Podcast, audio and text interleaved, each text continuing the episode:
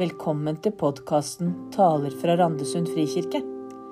Her kan du lytte til taler fra våre gudstjenester. Vårsemesteret 2024 taler vi over ulike tekster fra Markusevangeliet. Den 14. januar hadde vi misjonsgudstjeneste med besøk av tidligere misjonsleder i Frikirken, Terje Bjørkås. Han talte over teksten i Markus 16, 15-18 og denne talen kan du høre her. Les gjerne avsnittet i Markus 16, 15-18 før du lytter til talen.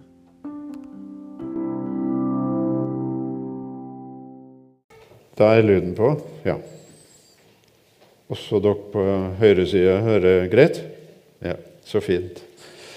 Først av alt Takk for at jeg fikk lov å Eller takk for invitasjonen. Unni er vel ikke her, men vi har snakka om det i flere runder at eh, før jeg blir pensjonist, så burde jeg komme til Randesund. Eh, og jeg har lyst til å takke for misjonsengasjementet. Uh, det er jo slik at, at uh, Ytremisjonen i Frikirka blir drevet i all hovedsak av misjonsgaven som, eh, som, vi på en måte pålegger menighetene uh, å gi. Og så er det sånn, og har vært det i alle de år jeg har vært misjonsleder, at er det én menighet vi kan stole på, så er det Randesund.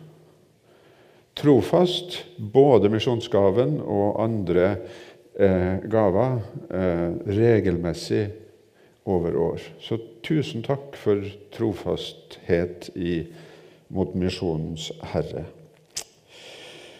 Ehm, jeg fikk en tekst eh, som ikke er dagens eh, tekst eh, av Unni. og Hun sa snakk om oppdraget, snakk om Jesus, hvem han er, og hva han betyr i hverdagen for den enkelte av oss.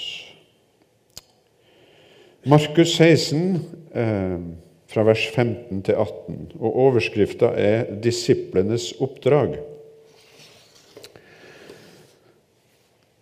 Og han sa til dem, gå ut i hele verden og forkynn evangeliet for alt som Gud har skapt. Den som tror og blir døpt, skal bli frelst, men den som ikke tror, skal bli fordømt. Og disse tegn skal følge dem som tror. I mitt navn skal de drive ut onde ånder. De skal tale nye tungemål, og de skal ta slanger i hendene. Om de drikker dødelig gift, skal det ikke skade dem, og når de legger hendene på syke, skal de bli friske. Hellige Far, hellige oss i sannheten. Ditt ord er sannhet. Fire enkle vers og tre, og tre ulike tema. For det første oppdraget. Gå ut og gjør disipler, sa Jesus. Og det andre er konsekvenser av tro og av ikke å tro. Frelse eller fortapelse det er rene ord for pengene. Den som tror og blir døpt, skal bli frelst, men den som ikke tror, skal bli fordømt. Og så tegn og under hører naturlig med der Guds rike går fram.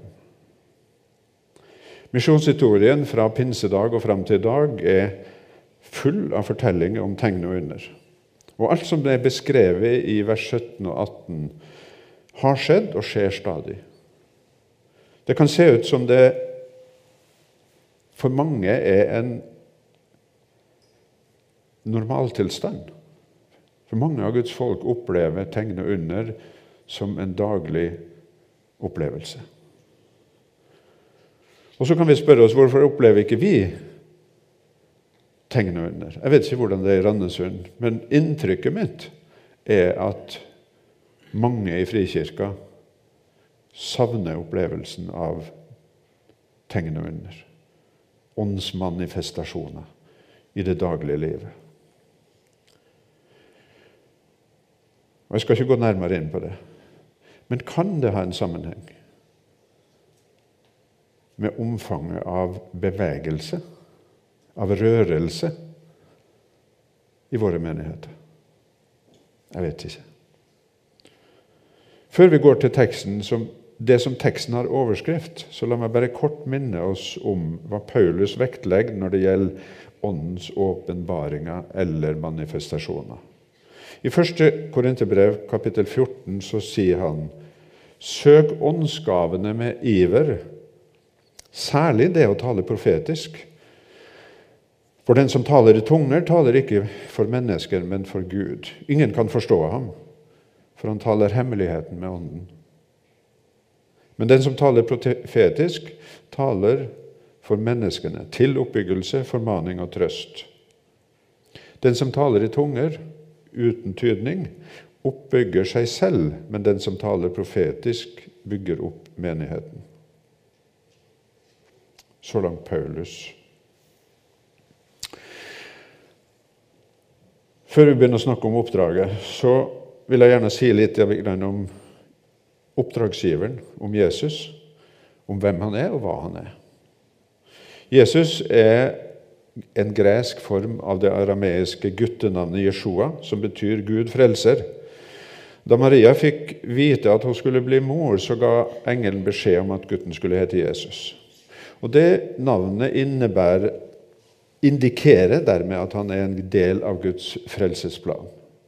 Johannes setter ord på dette i innledningen av sitt evangelium. Johannes-prologen, som vi kaller det, med beskrivelsen av ordet som ble menneske, om Gud som ble menneske. Og Gud er ikke bare Nei, og Jesus er ikke bare litt Gud og litt menneske. Han er fullt ut begge deler. Han er sann Gud og sant menneske. Og hva har så det å si for oss? Jo, inkarnasjonen, som vi kaller dette, at Gud ble menneske, er på mange vis beviset på Guds kjærlighet til oss. Ja, så høyt elska han oss at han sendte sin egen sønn. Og Det forteller oss at Gud er villig til å gjøre alt for at vi skal bli frelst. For å gjøre det mulig at vi kan få et liv i evigheten sammen med ham. Athanasius han var biskop i Alexandria i år 328 og noen år framover. Han sa en gang følgende Det er rart, dette med inkarnasjonen, det som jøder forkaster og grekere latterliggjør. Det elsker og beundrer de kristne. Jeg tror nettopp dette, at Jesus ble menneske som deg og meg, at han har litt for oss og med oss, er noe av det vakreste ved kristendommen. Jesus har kjent og følt alt et menneske kan kjenne og føle. All vår angst, alle våre tårer, vår fortvilelse, motløshet, sorg, svik, baktalelse, mobbing og slag. Alt dette har Jesus i kraft av å være sant menneske kjent og følt. Derfor har vi en øverste prest ved Guds side som føler med oss og taler vår sak. Guds sønn er vår bror, og han representerer oss på alle vis. Når Han gjennom sin døde oppstandelse rettferdiggjør oss, betyr det at alle ting som tilhører ham, hans navn, hans arv og hans rettferdighet, er blitt vårt. Så langt Atanasius. Som Guds folk og hans utsendinger og vitner inn i en lidende verden, skal vi med frimodighet få dele budskapet om ordet som ble menneske, og at alle som tar imot ham, er blitt gitt retten til å bli Guds barn, de som tror på Hans navn. Gå ut og gjør disipler, sa Jesus. Og Vi har vel en, en, en, slags tradisjon for å tenke at det er en tverrkulturell bevegelse. Vi må liksom dra langt. Men Jesus sa ikke noe om hvor langt vi skulle dra. Mens noen har kall til å gå langt bort, krysse landegrensa, så kan andre, for andre være nok å bare gå gjennom hekken til naboen. Og hva slags utrustning er det behov for? Kan vi lære noe av Jesus i måten han rekrutterte sine etterfølgere, sine disipler? Kom til meg og følg Nei, kom og følg meg, sa han da han kalte disiplene. Det virka så enkelt. Men var det egentlig det? Prøv å legge merke til hva han ikke etterspurte. Er du en pålitelig fyr? Kan du lese? Hva vet du om Gud? Vet du hvem jeg er? Kan du vise meg CV-en din? Har du teologisk, eh, teologisk, utdannelse? Har du noen referanser å legge på bordet? Nei. Kom og følg meg, sa Jesus. Han etterspør ikke hvem du er, eller hvem, hva du kan, men hvem og hva du kan bli. En venn av meg sa det slik Jesus kaller ikke ferdig utrusta mennesker, han, han utruster de han kaller. Jesus' sin strategi da han kalte disiplene, var på en måte Følg med, så tar vi det derfra. For Jesus er det ikke vanskeligere i dag heller, når det gjelder å kalle deg meg. Nå på fredag så var jeg i Flekkefjord. Fikk være med på begravelsen til Torstein Balsersen. Eh, skipsingeniøren som ble bushmisjonær i Mali. Sammen med kona Annelise kan, kunne Torstein se tilbake på 24 år for Misjonens herre i Mali. Torstein med oppvekst ved og på havet, med en uttalt kjærlighet og interesse for livet på havet, på storhavet. Han utdanna seg med det formålet og skulle være på havet med båter, store båter. Og så fikk han og Annelise være til stor velsignelse for mange i ørkenen i Mali. Jo, rett nok så bodde de ved siden av verdens, et av verdens største innlandsdelta. Nigerelva kan bli flere kilometer brei eh, i flomtida. Men de bodde i ørken. Og det bekrefter på en måte min venns påstand. Skipsingeniøren kunne brukes i Mali. Så kan man spørre seg om du og jeg er klar til det, å kaste det vi har i hendene, og følge Jesus. Den litt sånn tvilsomme flokken av enkle fiskere og kroppsarbeidere og byråkrater lot båten og garnene ligge. Fra nå av skulle de fange mennesker. Men for mange av oss er det kanskje ikke nødvendig å la studiene eller jobben ligge. For den som fisker mennesker, har arbeid overalt. Og så litt om hvordan vi har praktisert misjonsbefalinga i våre menigheter. Hva sa Jesus? Han sa 'gå'. Han sa ikke 'stå i kirkedøra og si 'kom'. Gå ut.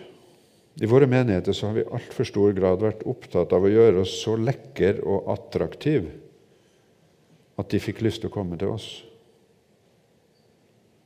Istedenfor å ha en bevegelse utover.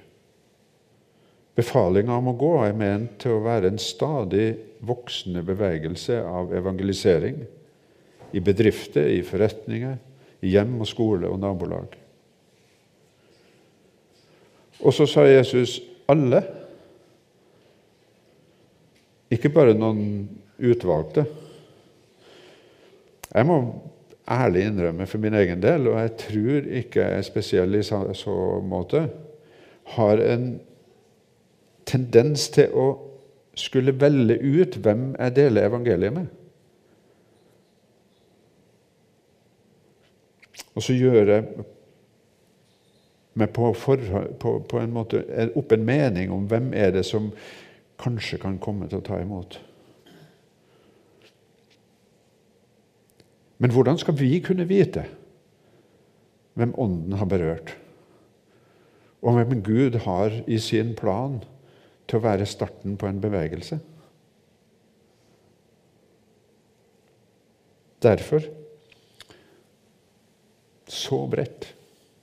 Såmannen. Dere har sett bilde av såmannen. Han så bredt. Sitter ikke og putter ett og ett frø. Gjør disipler, sa han også. Ikke bare medlemmer i kirke. Vi er ofte veldig fornøyd når noen kommer til tru og vil være medlemmer hos oss. Men Jesus' befaling var noe langt mer. Han ønska at de nye troende skulle bli ekte disipler. At de skulle lære å bli hans etterfølgere. Som så snart som mulig lærer å adlyde hans befaling om å gå ut og gjøre disipler. Derfor så må hovedfokus i evangeliseringsarbeidet vårt, enten det er lokalt her eller det er ute på misjonsfeltene, være å utfordre og utruste de nye troende til å ta, det videre. Til en stadig voksende bølge av evangelisering av sine nærområder og omgivelser. Og så litt om utrustning. Den som har tatt imot Jesus, eller den som tilhører Jesus, er blitt helliget. Og hvordan skjer det? Jo, jo først og fremst ved Guds vilje og gjennom Jesu død for våre synder. Hebreerbrevet 10. I kraft av denne viljen er vi blitt helliget ved at Jesus Kristi kropp ble båret fram som et offer en gang for alle.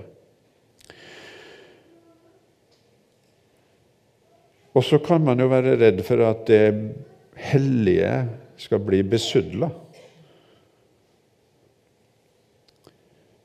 Betyr det da at vi må holde oss borte fra verden og leve i en slags gettotilværelse i våre menigheter, adskilt fra verdens synd og skam og fordervelse? Nei. Hør hva Jesus sier når han ber for disiplene i Johannes 17. Jeg ber ikke om at du skal ta dem ut av verden, men at du skal bevare dem fra det vonde. De er ikke av verden, slik jeg ikke er av verden. Hellige dem i sannheten, ditt ord er sannhet. Som du har sendt meg til verden, har jeg også jeg sendt dem til verden. Jeg helliger meg for dem, så også de skal helliges i sannheten. Og I Romerbrevet 10 så sier Paulus hver den som påkaller Herrens navn, skal bli frelst. Men hvordan kan de påkalle en de ikke tror på? Og hvordan kan de tro på en de ikke har hørt om? Og hvordan kan de høre uten at noen forkynner? Og hvordan kan de forkynne uten å være utsendt? Det står jo skrevet hvor vakre er de føttene til dem som bringer godt budskap. Og En av de siste samtalene Jesus på, mellom Jesus og disiplene Jeg ser for meg at det var tirsdag i påskeuka. For dere som har vært i Jerusalem, så vet dere at Kedrondalen På den ene sida har du Oljeberget, og så har du Tempelhøyden. Og I kveld, kveldinga etter at Jesus hadde rydda tempelet og kasta ut pengevekslere, og alt sånt, så sitter han der i kveldssola, ser over mot tempelhøyden, og så snakker de sammen om Når kommer du igjen, Jesus? Og så sier han beskriver han alt som vi kan tenke at vi er en del av. Med krig og ufred og, og, og jordskjelv og katastrofer. Og så sier han evangeliet skal forkynnes for folkeslagene, og så skal enden komme. Og Hva betyr det for meg og deg? Jo, vårt oppdrag er å tilskynde Herrens gjenkomst ved at vi går til folkeslagene på andre sida av hekken. Eller ute i verden med evangeliet om vår frelser og forsoner.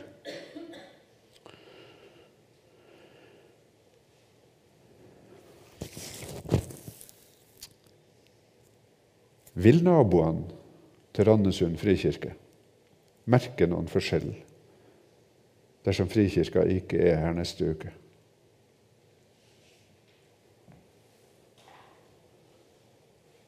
Hvis svaret er nei, så har vi et alvorlig problem og en utfordring. Kan vi tenke oss at når vi går ut herifra i dag, så blir det begynnelsen eller fortsettelsen på en folkebevegelse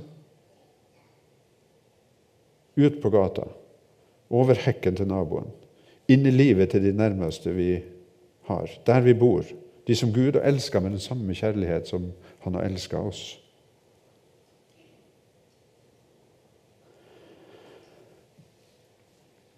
Men jeg har ikke evangelistgaven, tenker du kanskje.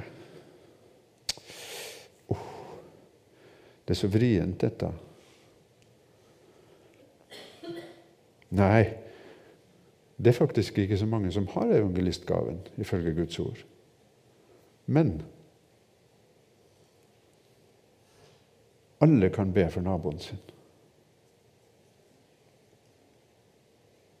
Du kan be for Anne eller Magnus eller Petter eller hvem det måtte være. Og så er utfordringa mi hvis du ikke gjør det, hvem ber da for Anne og Magnus og Petter? Hvem nevner navnet deres for Herren? Hvis du ikke tar det ansvaret.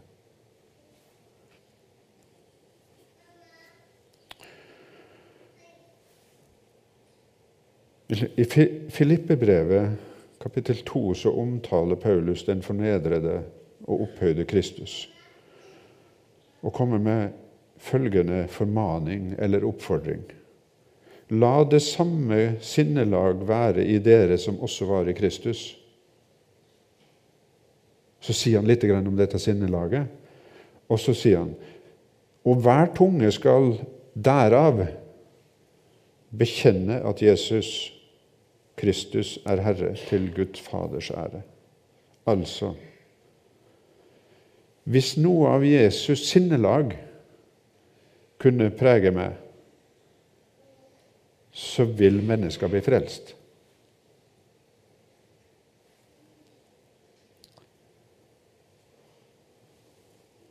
Så enkelt og så vanskelig. Hva slags betydning skal denne oppfordringen få i mitt og ditt liv? Hva skulle det bety av prioriteringer for meg og mine omgivelser?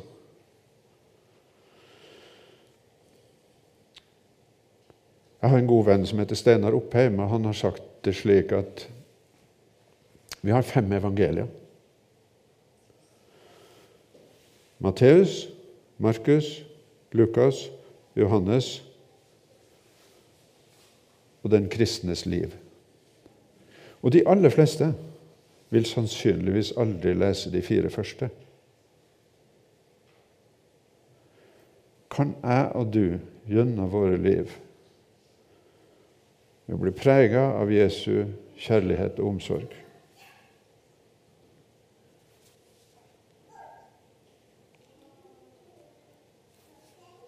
Prega av Jesus sinnelag være med og bringe evangeliet.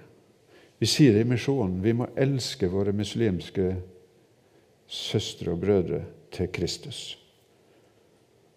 Vi må elske våre naboer, våre nærmeste, våre omgivelser til Kristus. Ikke nødvendigvis med ord, men ved å elske. Amen.